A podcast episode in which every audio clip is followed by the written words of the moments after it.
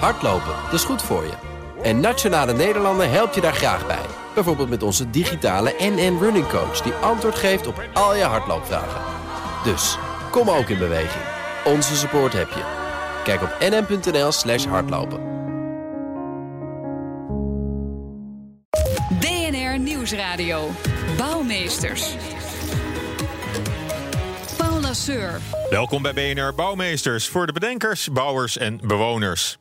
Eerst kreeg de bouw het beruchte stikstofbesluit voor de kiezen. En nu komen daar de giftige stoffen bij, die voor grote problemen zorgen in onze baggerindustrie. Op sommige plekken wordt inmiddels al meer dan een half jaar niet gebaggerd. En dat levert een kettingreactie aan problemen op, want de bouw is voor zijn grondstoffen afhankelijk van de baggeraars. Maar opdrachtgevers zetten projecten stil en alternatieven voor de opslag van besmette grond, die zijn er onvoldoende. Dit is een economische ramp in de dop. Daarvoor waarschuwt althans de Vereniging van Waterbouwers, die samen met branchevereniging Bouwer Nederland een brandbrief schreef aan staatssecretaris van Veldhoven van Infrastructuur en Waterstaat. Nou, hier aan tafel staat eh, Edwin Lokkerbol, hij is directeur van de Vereniging van Waterbouwers, dus een van de auteurs van die brandbrief. Edwin, hartelijk welkom. Dankjewel.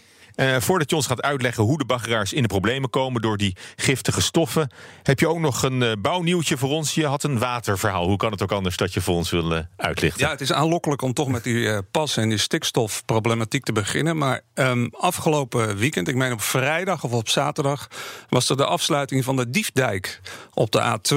En eigenlijk is dat wel een mooi verhaal. met betonnen, grote betonnen constructies is de A2 tijdelijk afgesloten. Mm -hmm. Om weer de contouren van een dijk zichtbaar te maken. die we sinds 1277 in het landschap hebben. Dus ik vond dat toch wel een mooi nieuwsfeitje. Dat gebeurt niet zo vaak, één keer in de vijf jaar. Maar daarmee zie je toch dat we zo lang geleden al begonnen zijn met waterveiligheid. En dat het nog steeds zo zijn effect heeft in het land. Ja, en de bedoeling is dus dat dat weer zichtbaar wordt. en dat straks ook automobilisten weer over een dijk rijden. Nou, nee, nee, nee. nee. Als, je, als je via de A2 rijdt richting Everdingen. Ja. dan kom je onder een constructie. Het lijkt op een viaduct. En dat is eigenlijk een onderdeel van de dijk. En één keer in de vijf jaar wordt die afgesloten.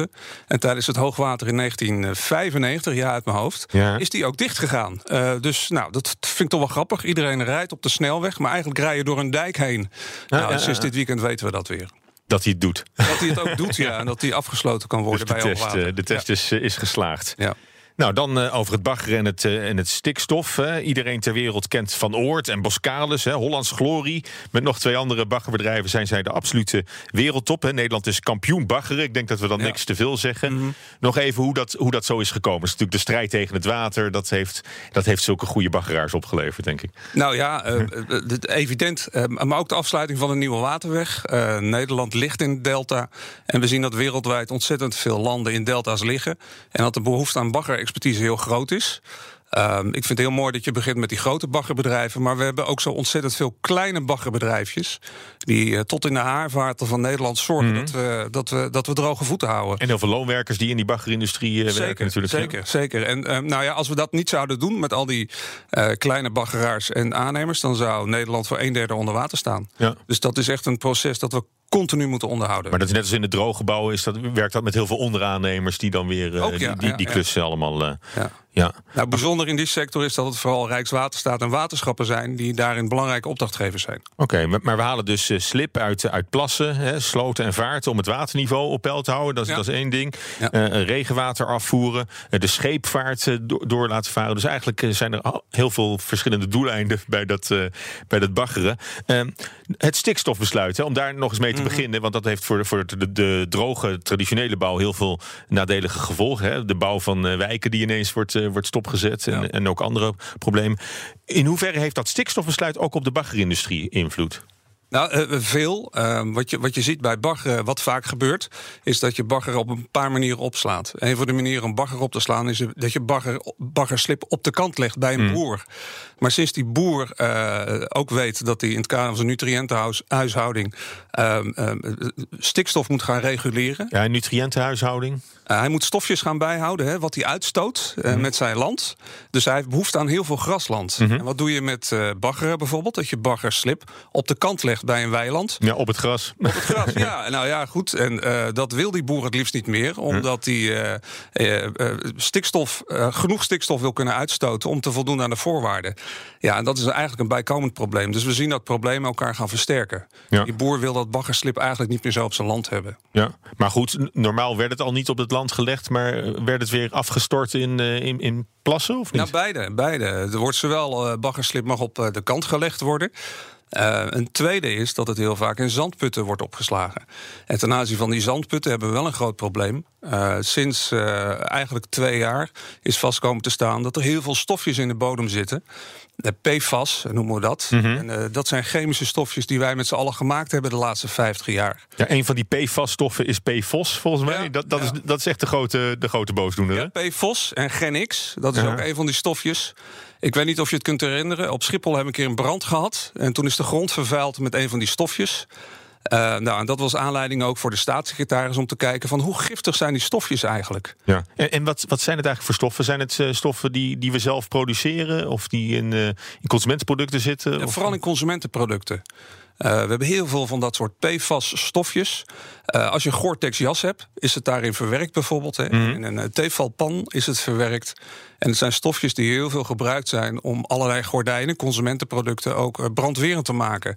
Dus ik durf te stellen dat Nederland barst van de PFAS-stofjes. Ja, want, maar, maar tegelijk, hè, want dat we die stoffen gebruiken, dat, dat weten we al veel langer. En ook al dat ze al veel langer in de bodem uh, verdwijnen. Voor mij, ja. voor mij wisten we dat al. Dat doen we al decennia. Maar -hmm. waarom is het dan nu ineens een acuut probleem? Nou, om, om, omdat bij twee grote calamiteiten, dat is een brand op Schiphol, eigenlijk vast is komen te staan dat in die blusmiddelen Gen X zit. Hè, een van die mm -hmm. stofjes, onderdeel van die PFAS-familie. En ook Gromoer, het chemieconcern in Dort, daarvan is vast komen te staan bij de productie. Dat allerlei stofjes in de bodem terecht zijn gekomen. En tot op uh, twee, drie jaar geleden wisten we eigenlijk niet uh, wat de effecten van die stofjes zijn op de volksgezondheid.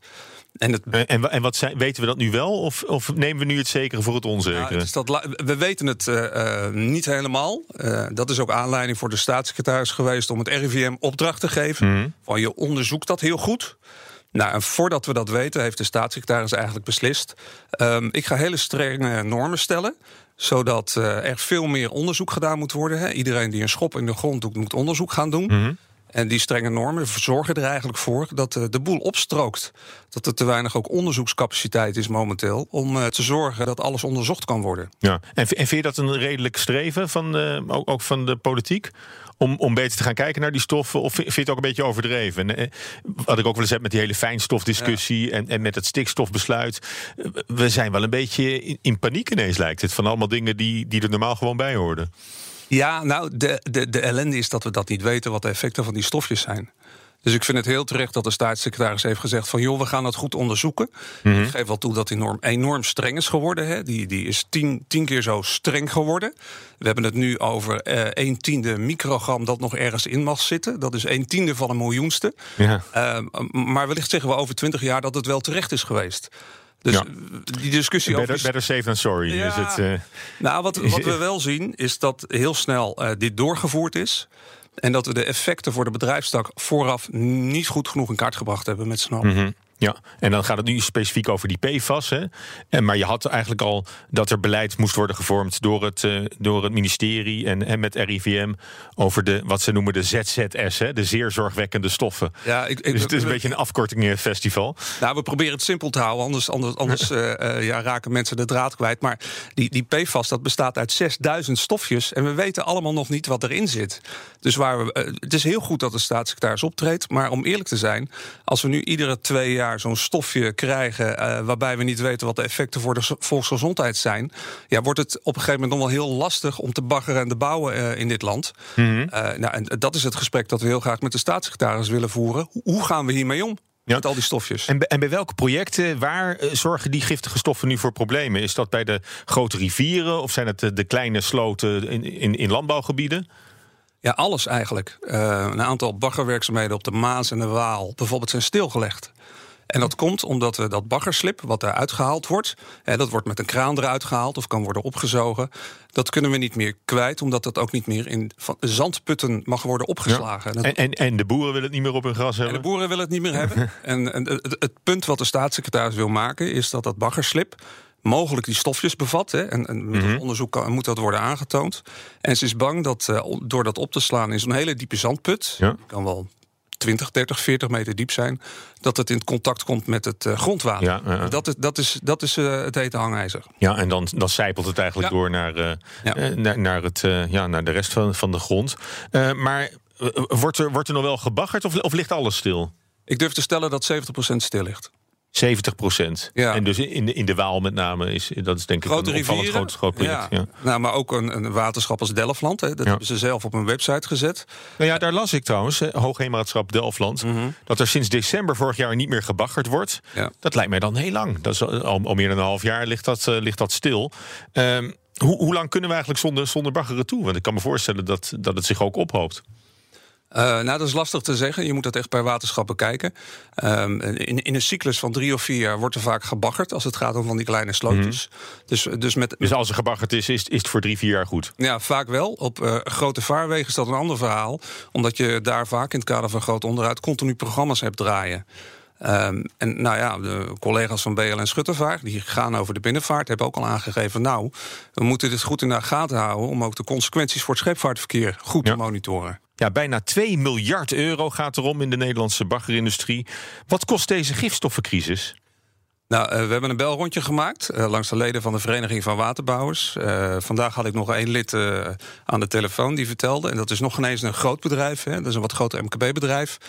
die vertelde als dit zo doorgaat tot december, dat hem dat 10 miljoen gaat kosten. Zo. Dus als we dat uitsmeren over mijn complete ledenbestand. En ik, ik, ik ga ook kijken bij de collega's van Cumula, hè, van de loonwerkers, Cascade, Zandwinning en Bouw Nederland. Dan Maar, denk maar dan moet je extrapoleren van ja, wat. nou, ik, dit, ik denk dat dat echt wel richting de 200 miljoen gaat. Zo.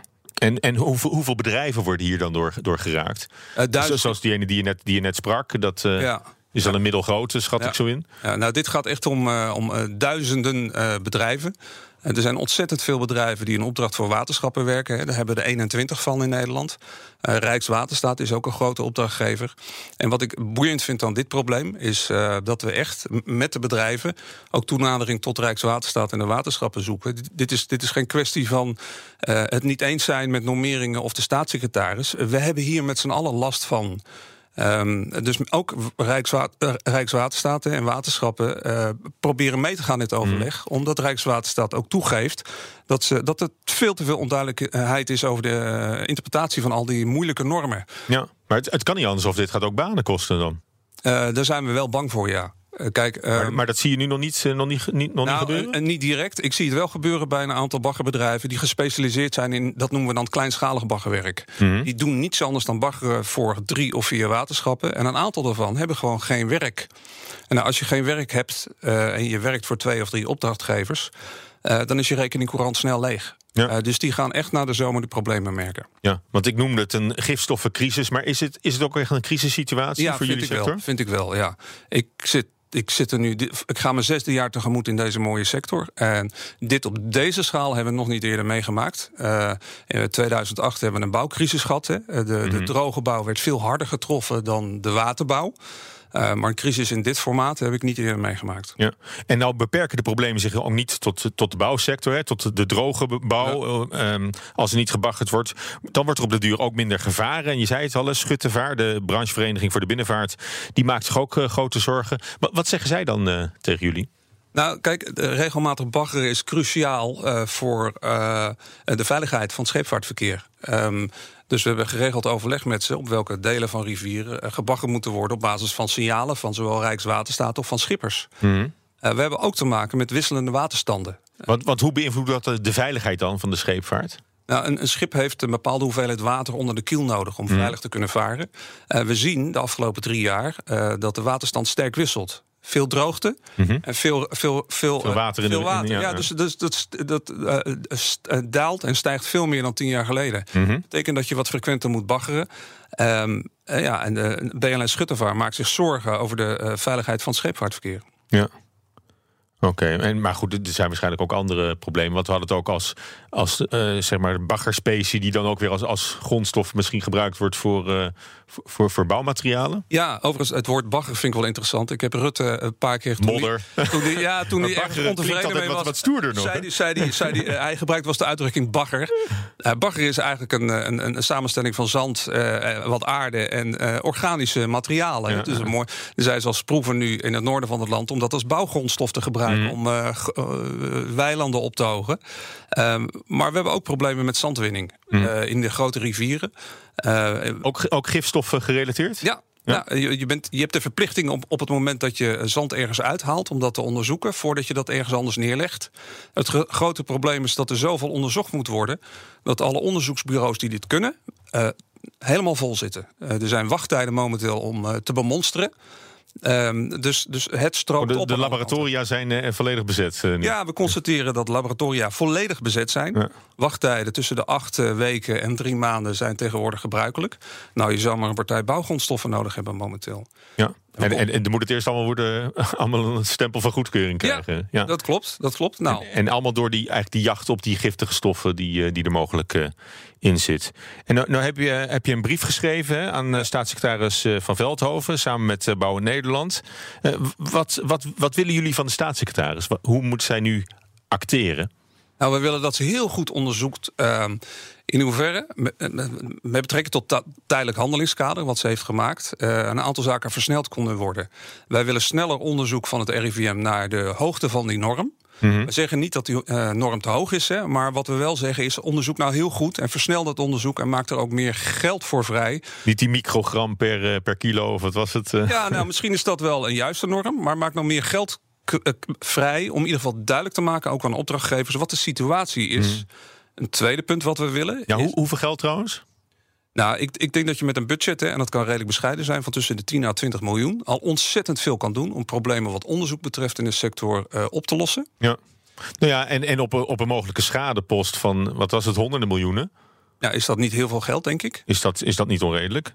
Ehm, en wat de staatssecretaris denk ik ook moet doen, is dat ze eh, overleg moet gaan met provincies en de Vereniging Nederlandse Gemeenten. Eh, grond, ook bij groot grondverzet, wordt in Nederland opgeslagen in van die zandputten. Een aantal zandputten zouden best geschikt gemaakt kunnen worden voor opslag. Door bijvoorbeeld eh, die zandputten met een kleilaag te voorzien. Een aantal zandputten zijn geschikt en de risico's, denk ik, voor het grondwater zijn vrij beperkt. Nou, zorg nou dat daar heel goed onderzoek naar wordt gedaan. Ehm, een, een, een gemeente kan daar een vergunning voor verlenen. Of eh, kan althans ook eh, toestemming daarvoor geven. Omdat de gemeente bij zo'n zandput, dat noem je dan een beetje technisch, het bevoegd gezag is. hè. Die moet toestemming geven. Ga overleggen met die gemeente onder welke voorwaarden ze versneld die toestemming kunnen geven. Dat is iets dat we heel graag willen. Ja, nou klinkt het mij niet in de oren als je zegt van er moet geld komen voor meer onderzoek naar, alsof dat al een hele definitieve oplossing is. Nou, dat klopt. Eh, maar maak nou eerst duidelijk wat de norm is, zodat we daar geen discussie meer over hebben. En ga zorgen dat er voldoende onderzoekscapaciteit is, zodat als partijen en aannemers onderzoek moeten doen, eh, ze ook snel terecht kunnen bij die onderzoeksbureaus. Eh, dus, dus aan die kant zou een versnelling. Ja. eh, Maar dus ook om die prop weg te werken, Ja. die daar nog zit bij de, bij de laboratoria. En, en voor de lange termijn, als dat eenmaal geregeld is, hoe, hoe kan je dan eh, hieraan tegemoet komen? Nou, het grote probleem is, eh, we hebben het nu over één zo'n stofje. maar die familie PFAS bevat 6000 stoffen. De vraag die we ook hebben aan de staatssecretaris is: zorg nu voor een blijvend programma op, op die hele groep PFAS-stoffen. Omdat we over twee of drie of vier jaar misschien weer tegen problemen met een ander stofje aan gaan lopen. Ja. Dus wij, ja, we, we hebben het stikstofbesluit al. Hè. Dat staat Ja. op de agenda van, van de Tweede Kamer ook. Daar Ja. eh, is veel om te doen. Maar die giftige stoffen waar we nu over hebben, staan die al op de agenda in Den Haag ook? Of is Nee. het alleen maar op, eh, op bestuurlijk niveau? Ja, op bestuurlijk niveau. Op bestuurlijk niveau staat het nog niet op het. Op, op, op, op, op, eh, is het nog niet zo geprioriteerd dat we denken dat ze dat snel oppakken, overigens. Ik weet wel dat een aantal Kamerleden. Eh, bij het reces en eh, bij een eh, algemeen overleg in de Kamer daar vragen over gaan stellen aan de staatssecretaris. Dat is ook wat jullie doen natuurlijk. Die mensen ja, benaderen om, om dit hoog op de agenda te houden. Of te krijgen in eerste instantie. Ja, het zou veel hoger erop moeten. Maar vooral omdat de consequenties voor eh, waterveiligheid eh, evident zijn. Hè? Als we niet meer kunnen baggeren in dit land. Ja, ik wil niet zeggen dan eh, stopt het ganse radenwerk. Dat zou grootspraak zijn. Maar dan, dan hebben we echt een probleem wat, wat de waterhuishouding betreft. Is duidelijk, de crisis met, met de gifstoffen. Ook voor de baggerindustrie. Zeker. Hartelijk dank voor dit gesprek. Edwin Lokkerbol, directeur van de Vereniging van Waterbouwers. Dankjewel. BNR Bouwexpo. Ja, en voor de Bouwexpo ga ik weer met eh, Judith Lane praten. Hoi Judith. Hallo. We gaan met de trein naar Litomyssel. Ja, Litomyssel in. Litomyssel, waar ligt dat? Dat eh, ligt ongeveer 2,5 uur ten oosten van Praag, dus in Tsjechië. Oh, en hoe, hoe, hoe lang is dat reizen met de, met de trein? Eh, Daar ben je wel een dag nee, onderweg. dat is dus 2,5 uur met de trein. Oh ja, van Praag dan. Ja, van Praag. Ja, sorry. Nee, als je vanuit Nederland gaat, dan ben je wel een dag onderweg, inderdaad. Oké, en wat, Ehm, wat, wat zien we daar? Eh, daar staat dus een heel bijzonder kasteel uit eh, de tijd van de Renaissance. Ah, Ja. en wat maakt het een bijzonder kasteel? Nou, het is dus het grootste kas- kasteel in Tsjechië uit die periode. Eh, en sinds 1999 staat het op de werelderfgoedlijst van UNESCO. En ik was daar verzeild geraakt omdat een vriendin van mij een bruiloft had in dat dorpje. Dus ik dacht, eh, we gaan naar Praag, maar we gingen dus ook nog twee dagen naar een van de Ah. dorp. Waar dus een heel mooi gebouw stond. Dus ik dacht, moet ik natuurlijk delen hier in de Bouwexpo. Ehm, in 1568 zijn ze begonnen met de bouw.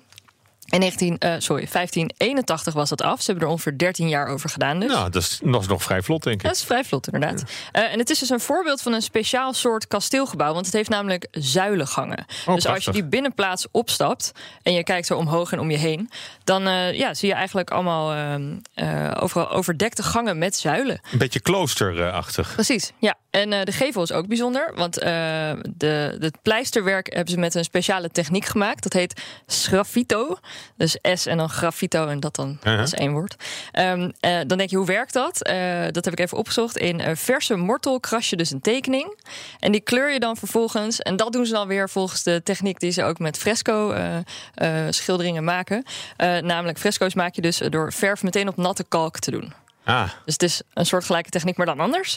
Eh, en hier is het dus lichtbeige en lichtbruin. En het lijkt dus heel erg alsof er soort tegeltjes op zitten. Dus ze hebben overal een soort hoekjes gemaakt Ah. dat het een soort schaduw lijkt. Dus als je dan dichterbij komt, denk je, oh, het is gewoon pleisterwerk. Dus vanuit van een afstandje ziet het er eh, heel spectaculair uit. prachtig 16e eeuws eh, bouwwerk. Eh, Ja. Een van de zijgebouwen is ook nog interessant. Ja, daarvan dacht ik, daar hoort muziek bij, Paul.